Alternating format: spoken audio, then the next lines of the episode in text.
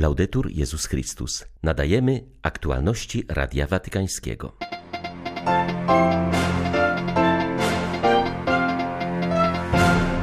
Dziś miała się rozpocząć papieska podróż do Demokratycznej Republiki Konga i Sudanu Południowego.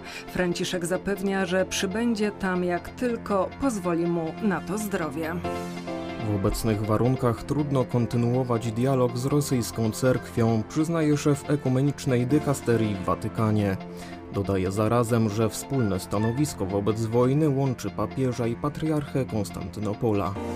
Kościół we Francji nie postuluje zniesienia celibatu czy kapłaństwa kobiet. Sygnalizujemy jedynie, że te kwestie były poruszane w procesie synodalnym w diecezjach, oświadczył przewodniczący tamtejszego episkopatu.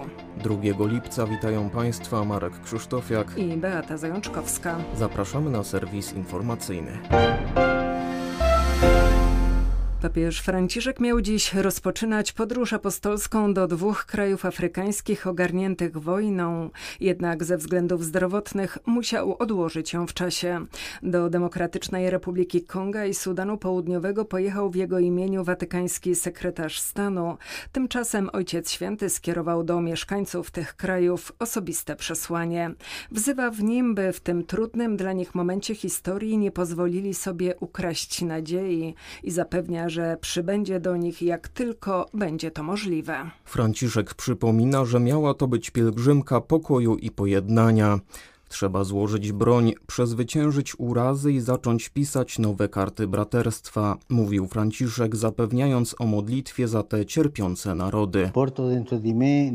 Noszę w sobie i powierzam w modlitwie cierpienie, którego doświadczacie już tak długo, zbyt długo. Myślę o Demokratycznej Republice Konga, o wyzysku przemocy i braku bezpieczeństwa, którego doświadcza szczególnie na wschodzie kraju, gdzie nadal trwają walki zbrojne powodujące niezliczone i dramatyczne cierpienie cierpienie, potęgowane przez obojętność i interesy tak wielu osób. Myślę o Sudanie Południowym, o wołaniu o pokój jego mieszkańców, którzy wyczerpani przemocą i ubóstwem czekają na konkretne fakty w procesie pojednania, do którego pragnę się przyczynić, nie sam, ale pielgrzymując tam ekumenicznie razem z dwoma drogimi braćmi, arcybiskupem Canterbury i moderatorem Zgromadzenia Ogólnego Kościoła Szkocji.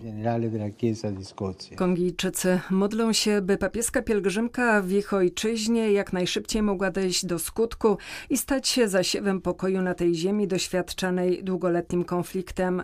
Mimo problemów ze zdrowiem, Franciszek nie zostawia nas samymi i daje nam doświadczyć swej bliskości, mówi ksiądz Sylwestre Besangie, odpowiedzialny za kongijską wspólnotę w Rzymie.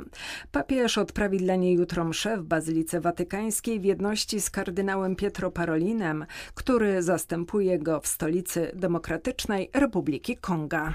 Kapłan podkreśla, że kongijska wspólnota z wdzięcznością przyjęła papieskie zaproszenie do modlitwy.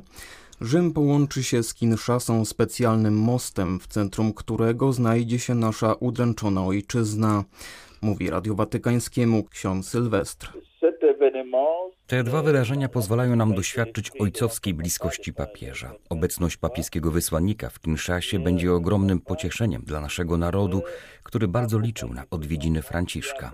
Jutro modlitwa o pokój w intencji naszego kraju będzie zanoszona nie tylko w stolicy, ale we wszystkich kongijskich diecezjach oraz w Watykanie.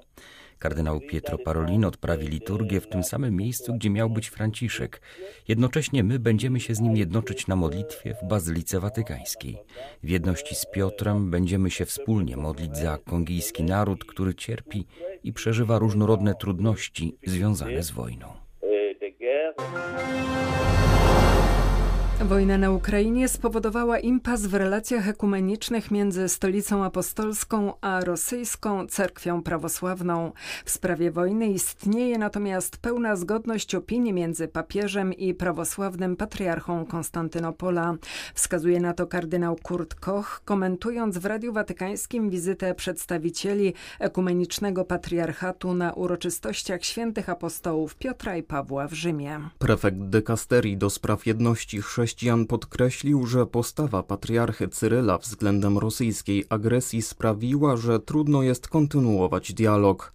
Nasze stanowiska są skrajnie różne. Ojciec Święty wielokrotnie mówił, że wojna jest straszna i absurdalna. Natomiast patriarcha cerkwi rosyjskiej nie tylko usprawiedliwił, ale również pobłogosławił tę straszliwą wojnę na Ukrainie szukając dla niej religijnego i metafizycznego uzasadnienia, powiedział kardynał Koch. Dodał zarazem, że pozytywnym znakiem była natomiast wizyta przedstawicieli patriarcha Bartłomieja z Konstantynopola.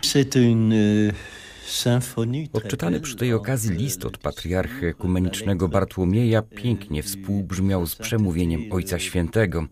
Patriarcha bardzo mocno stwierdził, że wszechprawosławny Sobór Kreteński w 2016 roku zdecydowanie potępił wojnę w każdej jej postaci.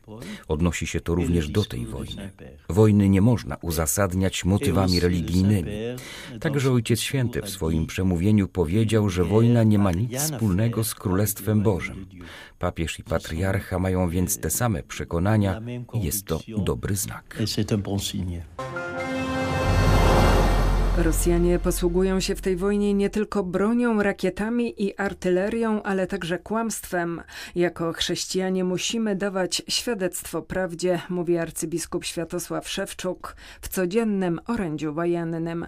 Dziękując Bogu i siłom zbrojnym Ukrainy za nowy dzień, przyznał, że wielu nie dożyło tego dnia.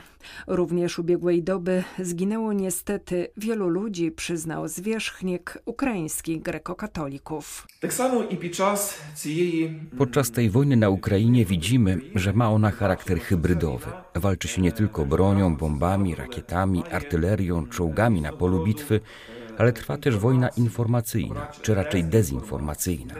Nieprzyjaciel szerzy na cały świat nieprawdę. My, chrześcijanie, mamy swój obowiązek. Nie możemy słuchać głosu kusiciela, nie możemy wchodzić z nim w dyskusję. My musimy dawać świadectwo prawdzie.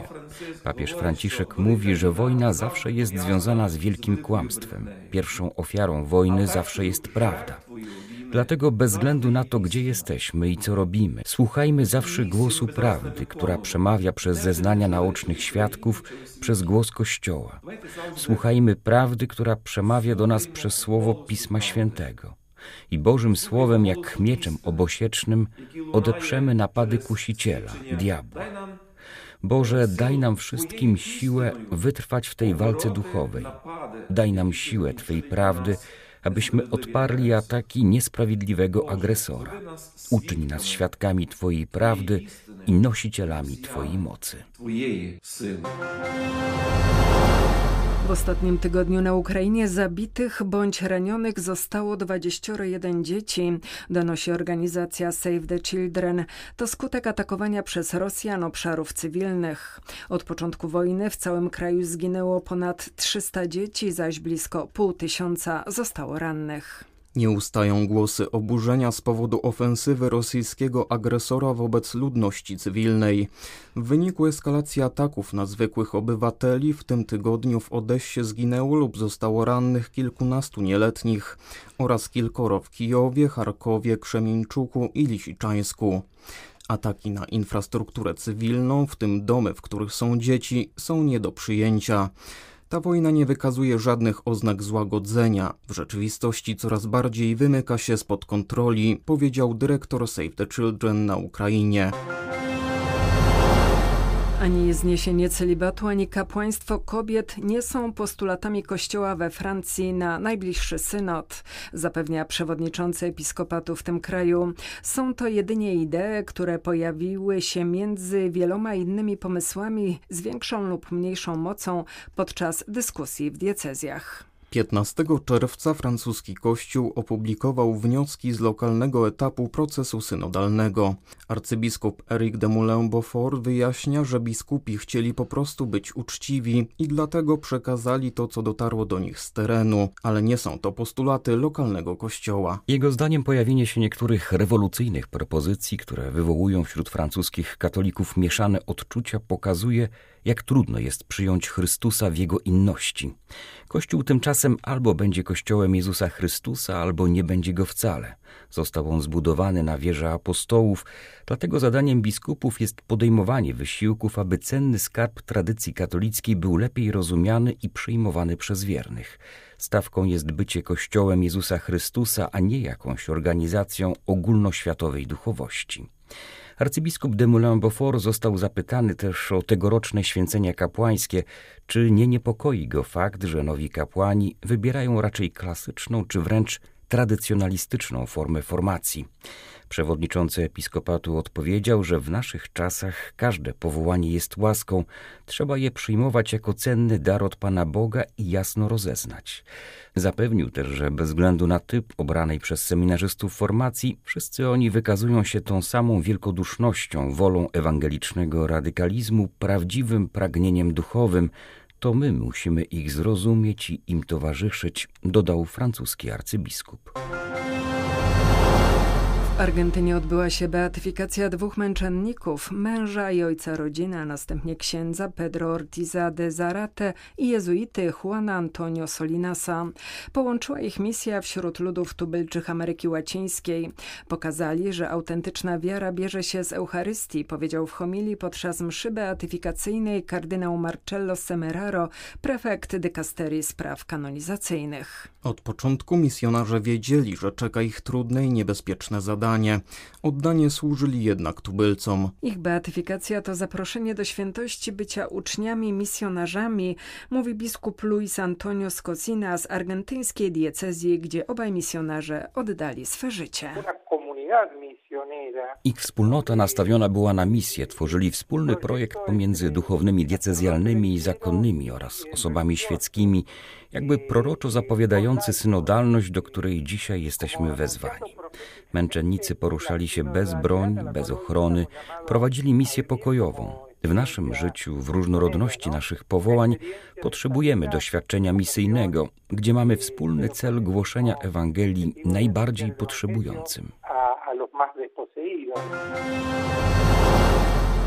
Pandemia ujawniła, jak bardzo cierpią dziś ludzie, bo nie mają życia duchowego, zatrzymują się na powierzchni.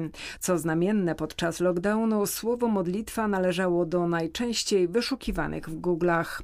Wskazuje na to kardynał Robert Sarach, podkreślając, że trzeba wyciągnąć wnioski z tego, co ujawnił pandemiczny kryzys. Czas, by Kościół powrócił do tego, czego się od niego oczekuje, by mówił o Bogu, duszy, zaświatach, śmierci, a przede wszystkim życiu wiecznym. Afrykański purpurat zapewnia, że nie niepokoi go przyszłość Kościoła, bo Jezus obiecał, że zawsze będzie z nami. Niepokoi go natomiast stan ludzi, których dusze są pozbawione życia wewnętrznego i prawdy, która wyzwala. Ci ludzie cierpią na duszy i jest mi ich żal, wyznał kardynał Sarach. To z myślą o nich właśnie podczas pandemii, jeszcze jako prefekt Kongregacji do Spraw Kultu Bożego, napisał katechizm życia duchowego. Nie traktat dla specjalistów, lecz prosty tekst dostępny dla wszystkich, również niewierzących.